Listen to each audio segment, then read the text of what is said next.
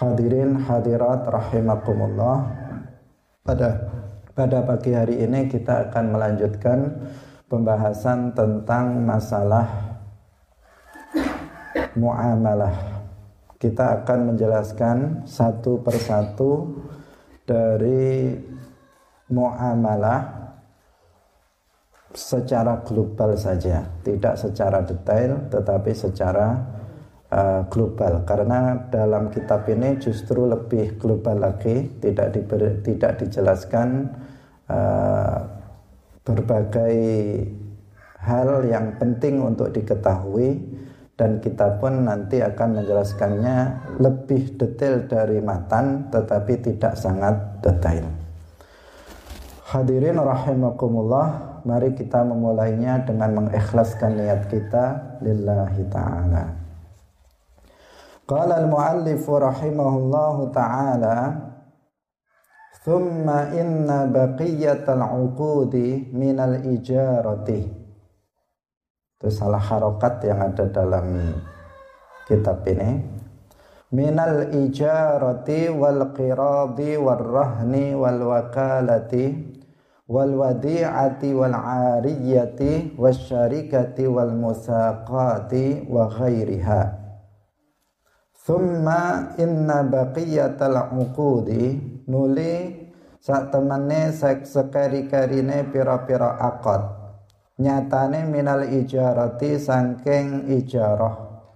Sewa menyewa. Wal qiradi lan qirat bagi hasil. Warahni lan rahan pegadaian. Wal wal wakalati lan wakalah berwakil wal wadi'ati lan wadi'ah nitip barang. Wal ariyati lan ariyah pinjam meminjam.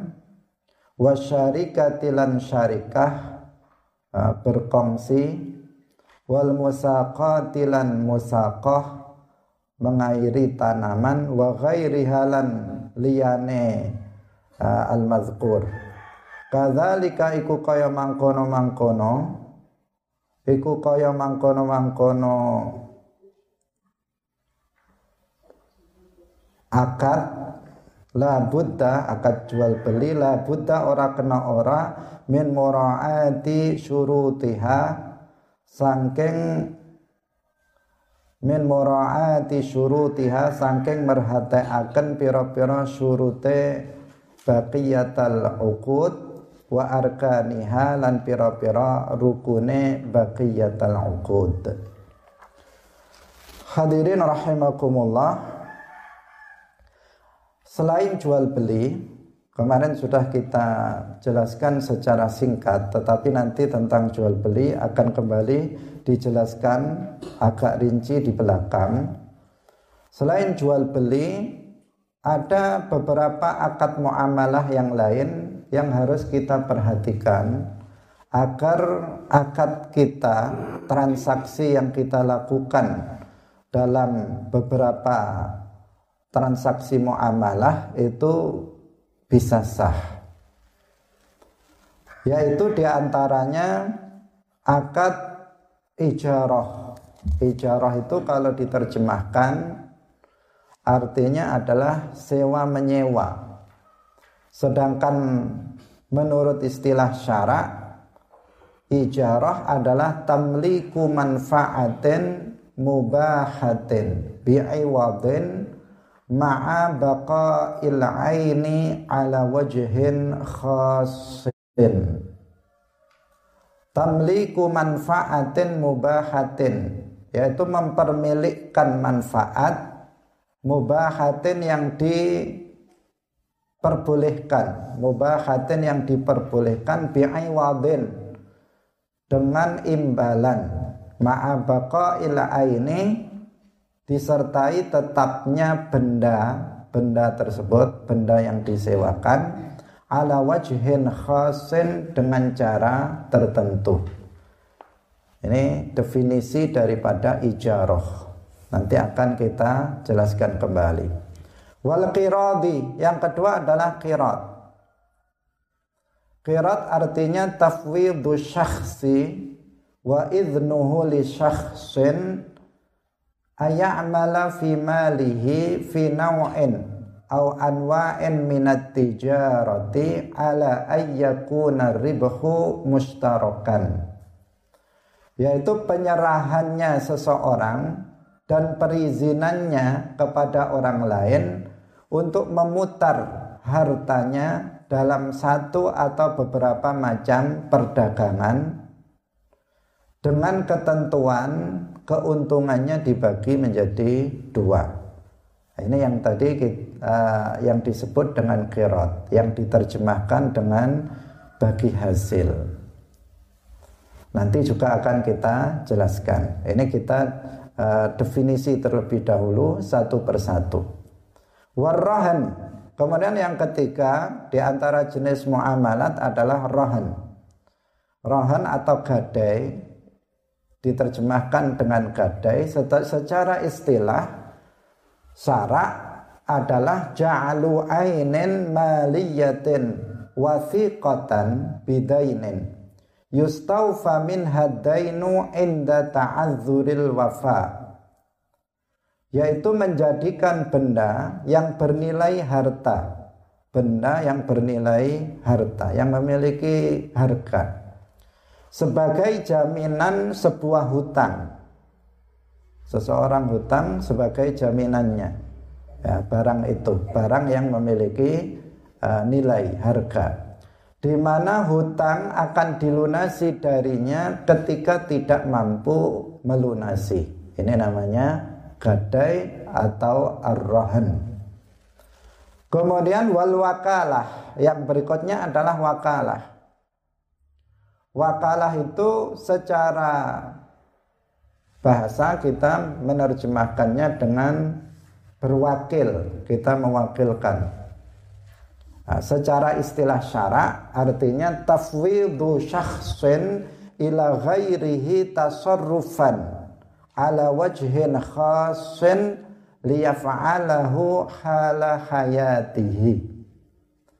Yaitu penyerahan seseorang kepada selainnya tindakan tertentu untuk melakukan perbuatan tertentu dengan cara tertentu untuk dilakukannya untuk dilakukan di masa hidupnya. Misalnya uh, tolong saya wakilkan uh, penjualan barang-barang di toko saya kepadamu. Nah, dia sebagai berarti saya mewakilkan perbuatan yaitu menjual barang-barang dan seterusnya. Nanti akan juga dijelaskan pada berikutnya. Kemudian wal wadi'ah, wadi'ah itu menitipkan barang secara secara terjemahannya menitipkan barang. Secara istilah Wadi'ah itu mayudha'u inda ghairi malikihi li khifdhihi. Mayudha'u inda ghairi malikihi li khifdhihi. Apa yang diletakkan pada selain pemiliknya untuk dijaganya. Misalnya saya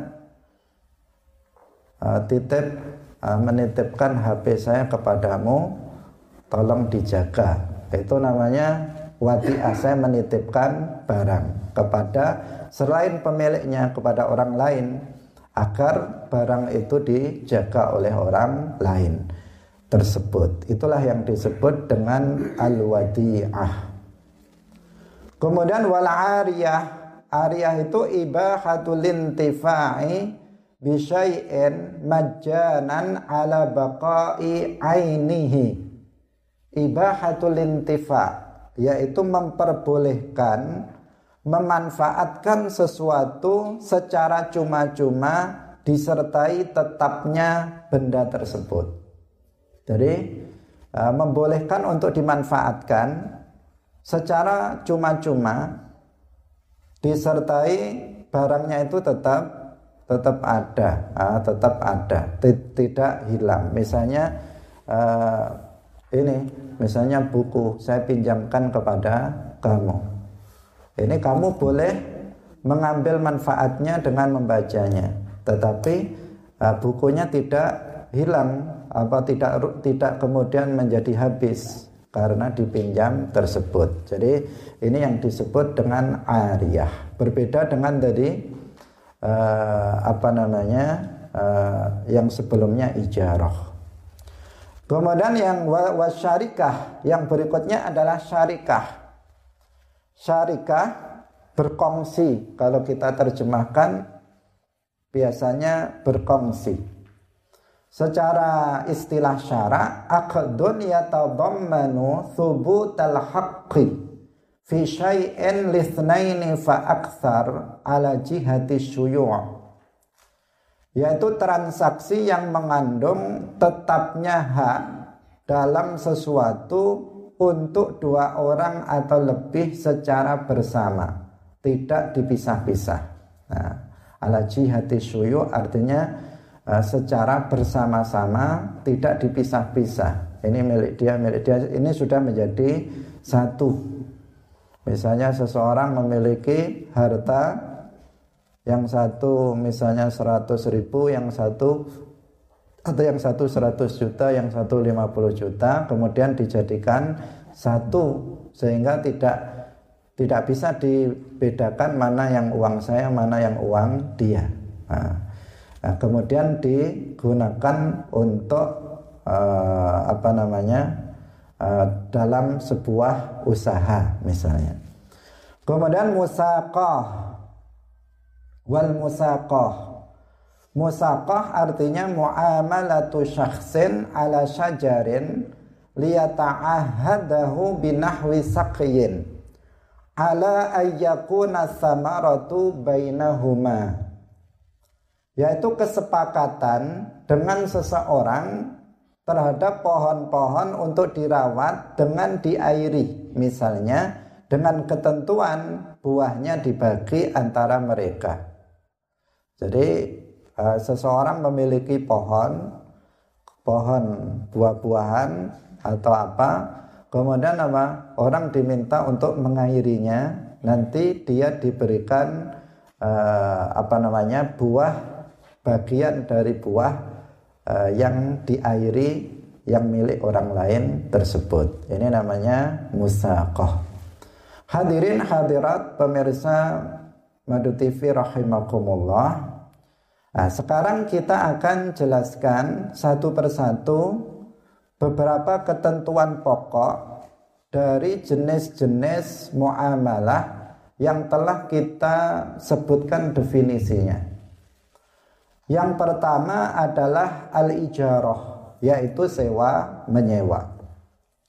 Tadi sudah kita sebutkan bahwa sewa menyewa itu artinya tamliku manfaatin mubahah mempermilikkan manfaat yang mubahah yang diperbolehkan dengan sebuah imbalan.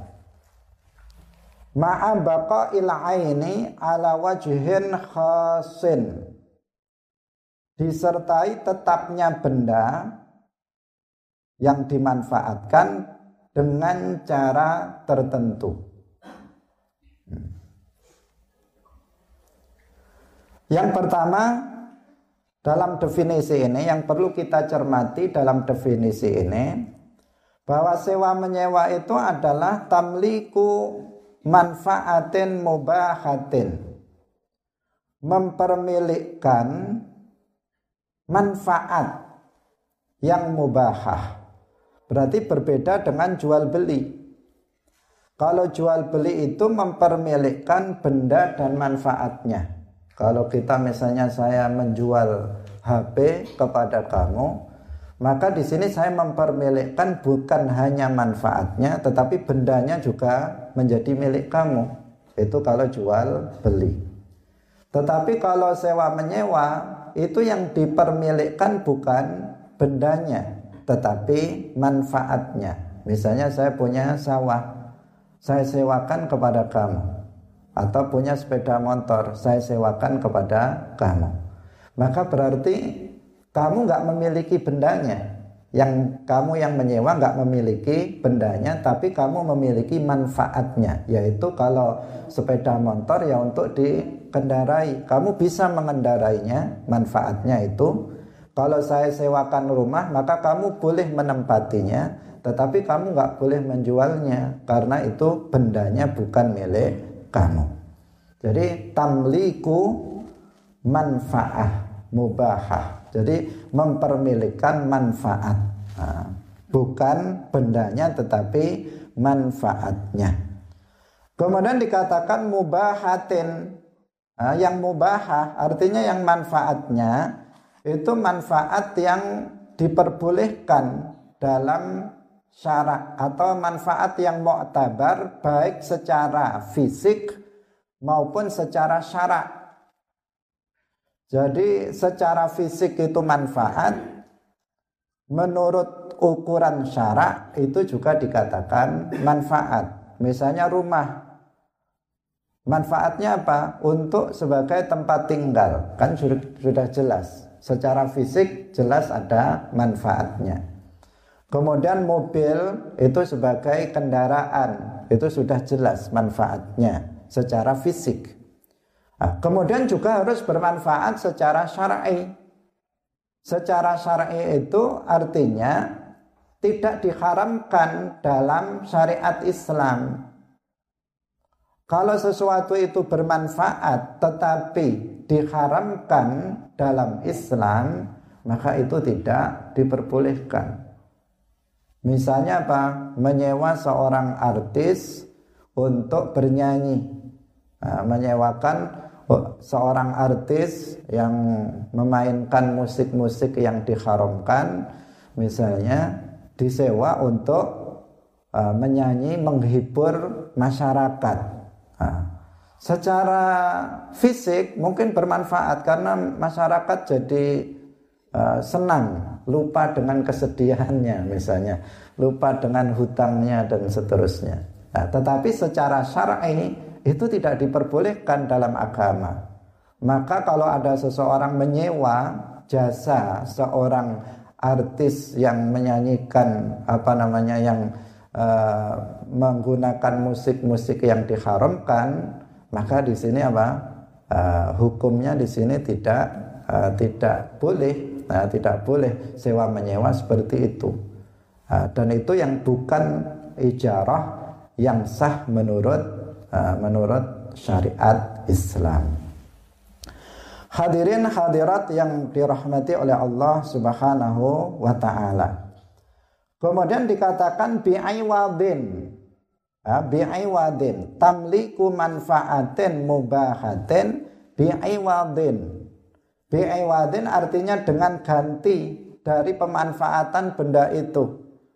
Karena kamu saya beri uh, kepemilikan meman, uh, manfaat mem memanfaatkan benda tersebut, maka kamu harus menggantinya, uh, menggantinya dengan ganti misalnya dengan uang uh, nyewa satu bulan uh, sepeda motor uh, dengan diganti misalnya berapa? Lima puluh ribu misal murah-murahan. Atau lima ratus ribu misalnya. Itu namanya apa? Itu namanya ijarah sewa menyewa.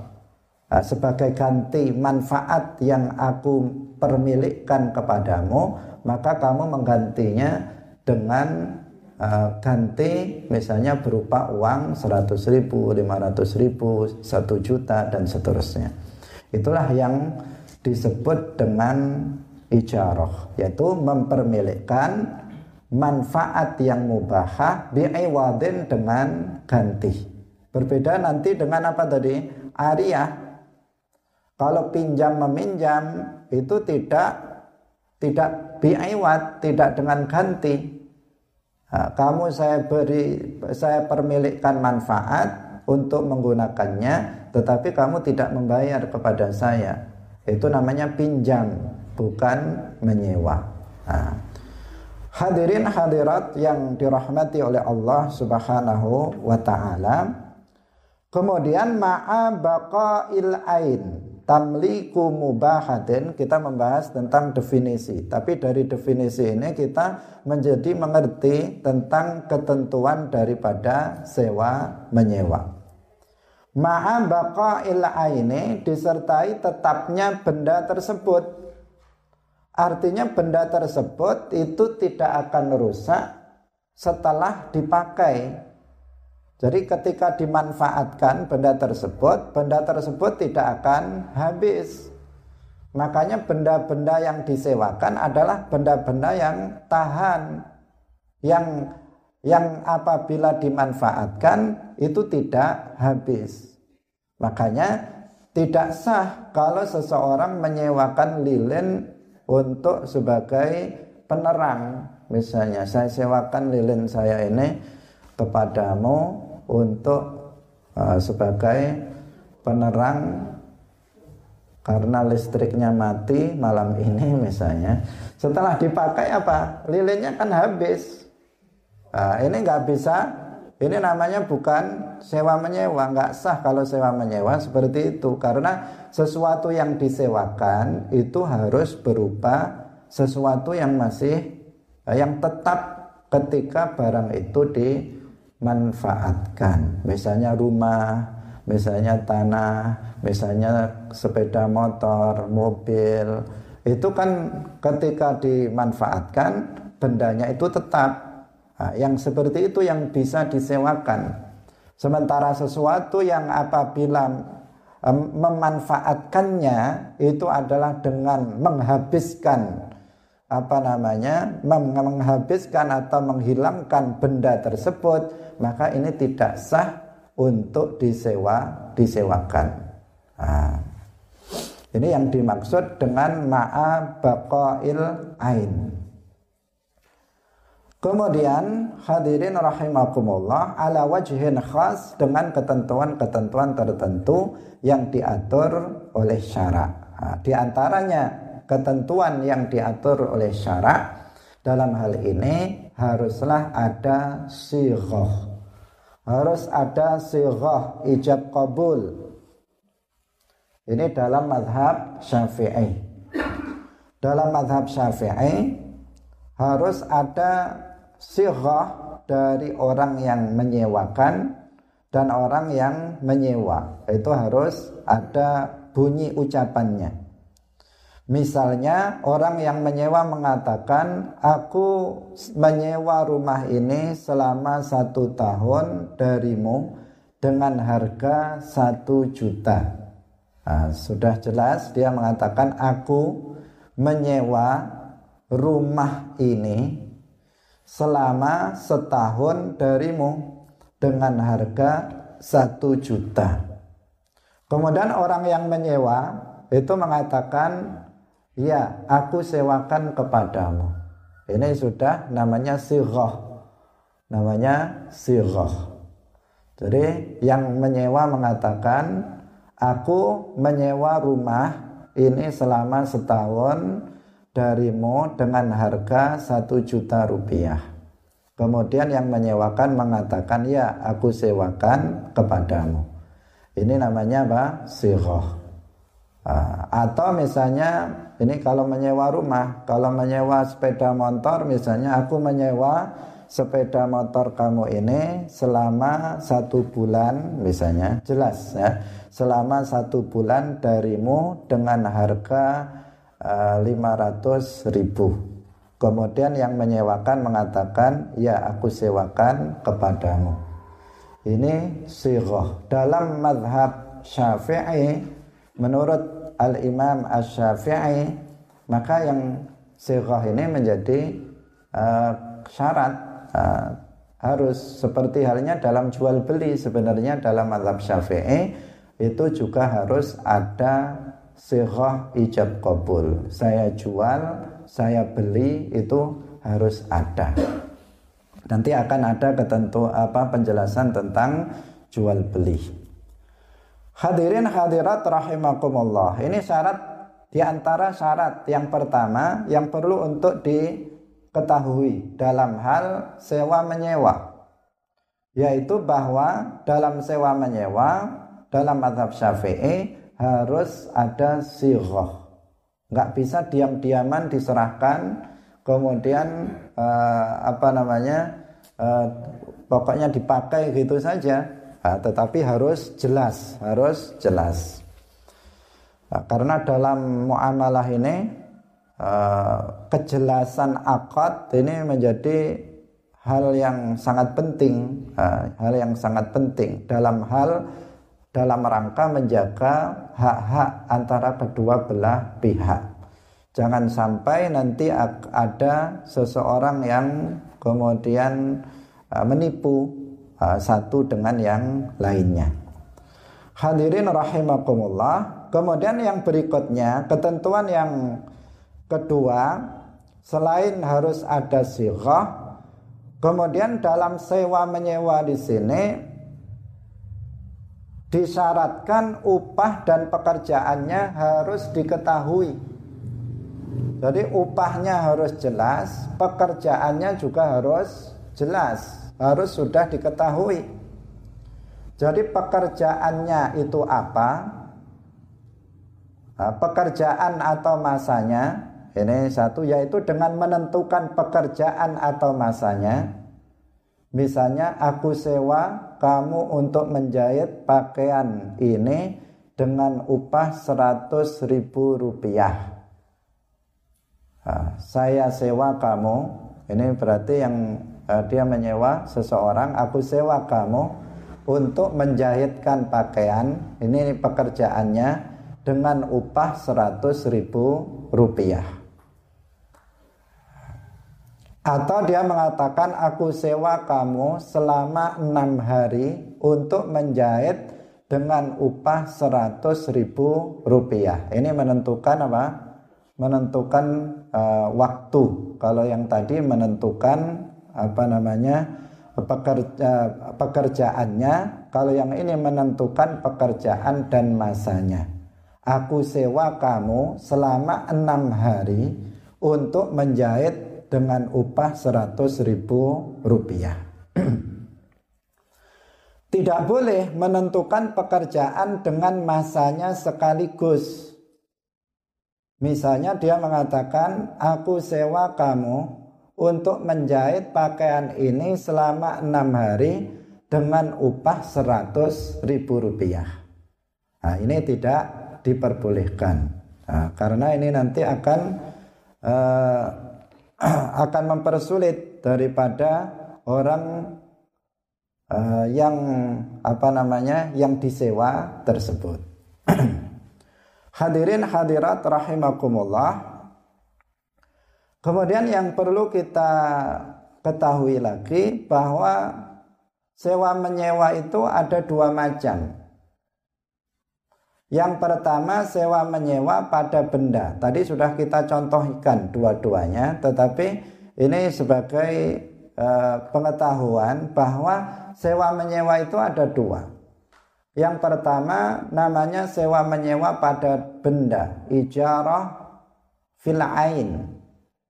Seperti misalnya sewa menyewa rumah untuk di tempat tinggali.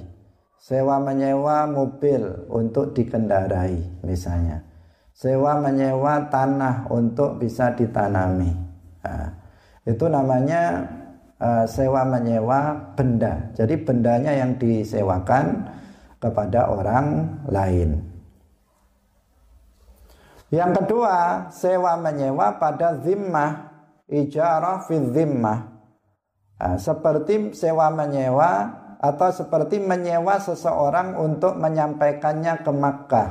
Ini Contohnya seperti ini kalau dalam kitab. Jadi orang tersebut disewa untuk bisa menyampaikan dia ke Makkah misalnya.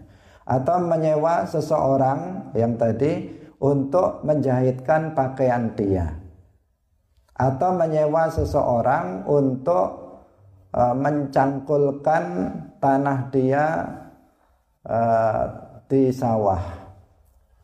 Atau menyewa seseorang untuk apa namanya menanamkan padi uh, kalau kita tandur di sawah. Itu namanya akadnya juga sewa menyewa. Orang itu bekerja itu adalah akadnya adalah ijaroh yaitu dia disewa um, atau misalnya sewa menyewa atau menyewa apa namanya uh, menyewa seseorang untuk membangun rumah dia.